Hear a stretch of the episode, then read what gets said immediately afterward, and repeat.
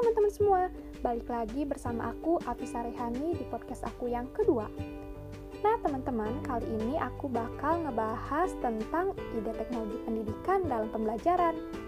Teman-teman, kalian suka ngerasa bosan gak sih kalau pas lagi belajar cuma disuruh baca buku atau sekadar ngedengerin materi yang disampaikan oleh guru?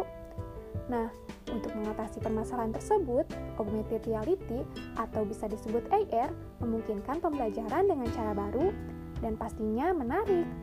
Sebelumnya, kalian tahu nggak sih apa itu AR?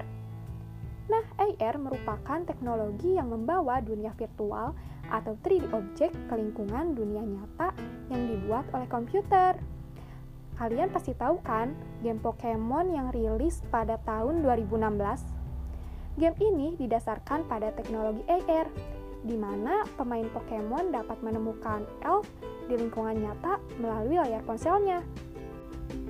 AR ini bisa digunakan melalui Android yang nantinya akan ada marker, lalu di-scan, dan muncul gambar-gambar yang objeknya bisa bergerak dan tentunya dapat dipelajari.